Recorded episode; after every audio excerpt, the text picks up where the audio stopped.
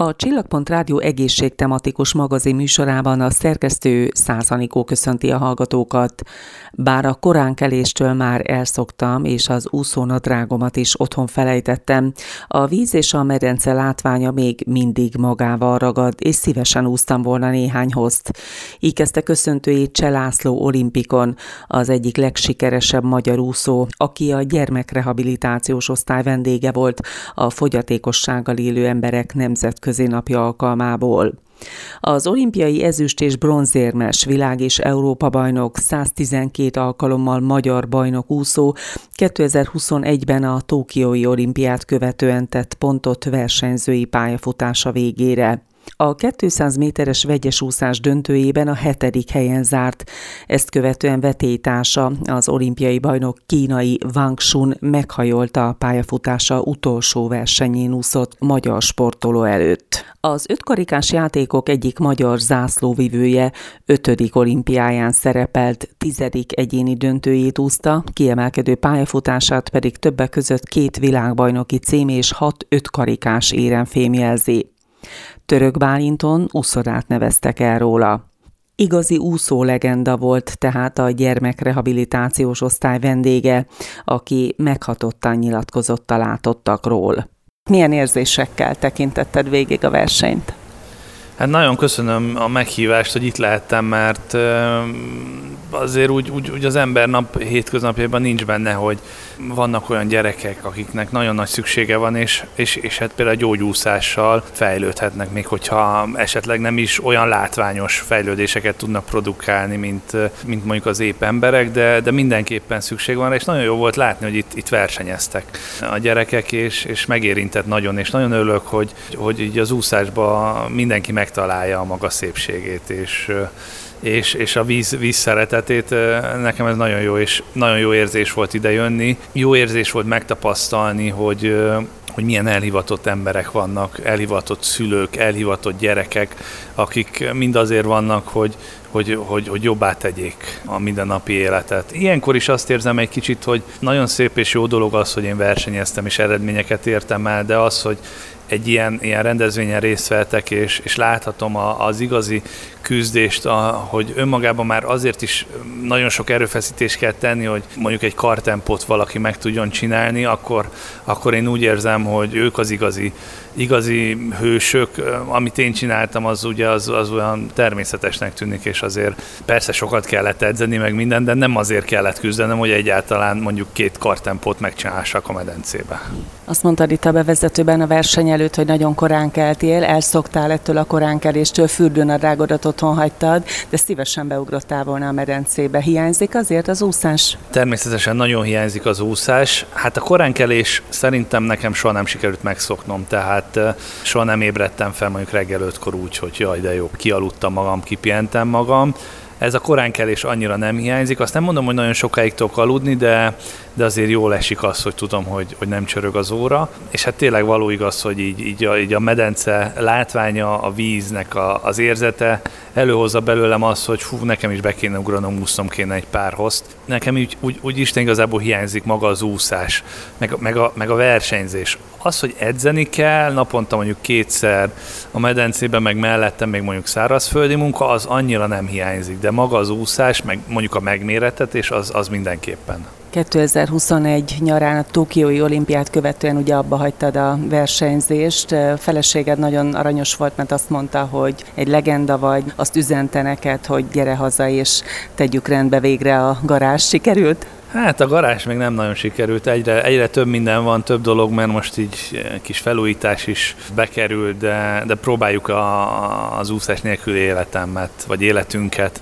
rendezni. Hát szerencsére megszületett kislányunk, úgyhogy, úgyhogy most van egy új, új cél, egy új, új feladat az életembe, ami azt kell mondjam, hogy azért szerintem sokkal nehezebb, mint akármennyit leúszni, akár e, milyen kemény edzést e, véghez vinni, de nagyon örülök neki, hogy úgy tudok a, a kislányommal e, foglalkozni, hogy napi szinten már mellette nem kell úgy sportolnom, mert, mert én azt gondolom, hogy mellette nem, nem lett volna kedvem már, már edzésre járni. Hát kinek van kedve ott hagyni a a kislányát otthon, hogy lemenjen úszon kettő-kettő és fél órát, és majd mondjuk két-három-négy, öt óra múlva érjen úgy haza. Úgyhogy ez nekem is sokkal nagyobb könnyebbség is, és remélem, hogy sokkal többet tudok adni ezáltal magamból. Az imént itt egy beszélgetésből kiderült, hogy nem igazán gondolkodsz abban, hogy edzősködj és állj a medence parton. Azt mondtad, hogy szerinted a sokkal nehezebb műfaj, mint bent a vízben. Mik a tervek hosszú távon? Hát egyelőre tervek nincsenek, még keresem az utamat, keresem azt, hogy mi az, amit szívesen csinálnék. Most egyenlőre egyfajta ilyen nyugdíjas életet élek, de próbálok azért valamilyen szinten aktív maradni.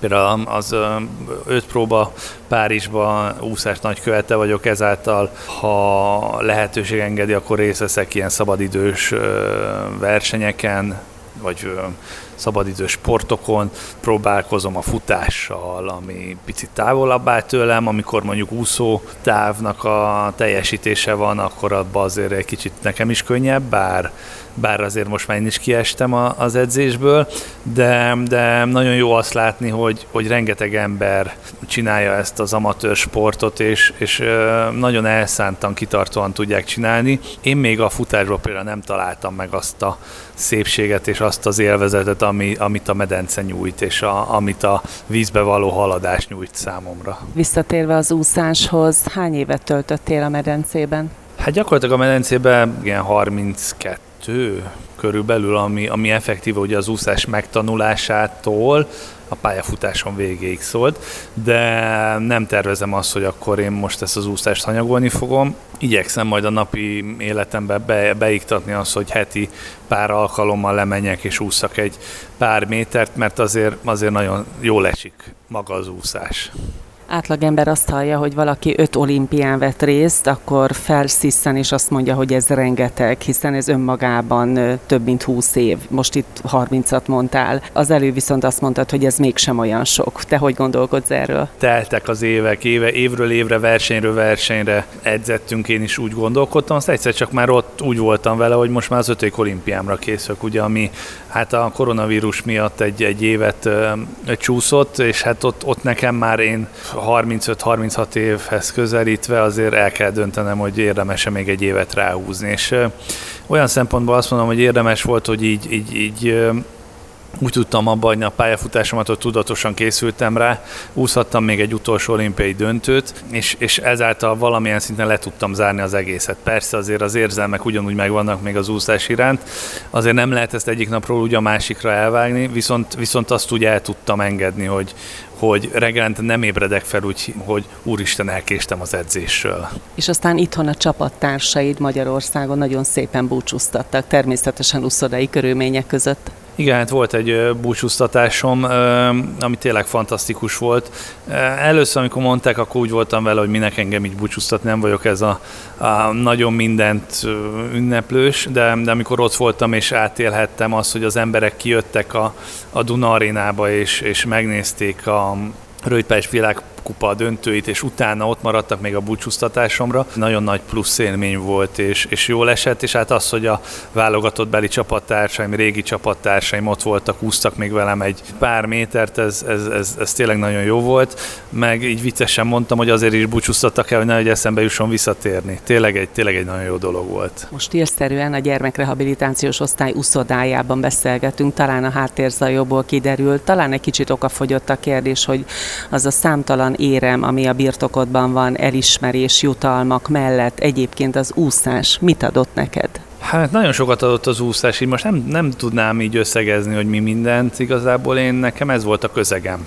A medencébe éreztem magam jól, otthon, magabiztosan, én azt gondolom, hogy az úszodában egy picit más ember voltam, vagyok, mint, mint, mint a hétköznapi életben, és tényleg egy nagyon jó közösségbe lettem, nagyon, nagyon kedves, jó csapattársaim voltak, akikkel tényleg át tudtuk segíteni egymást az elénk állított nehézségeken.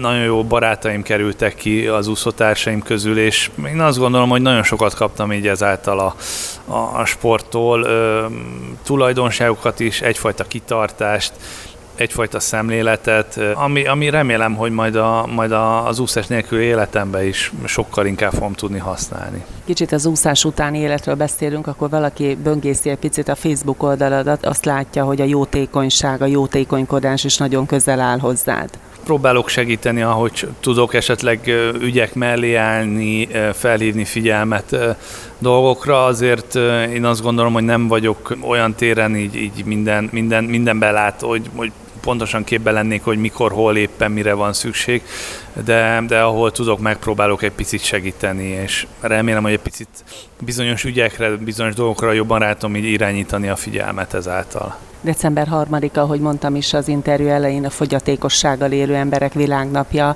ezen a napon, akár az itt látott gyerekeknek. Mit üzennél?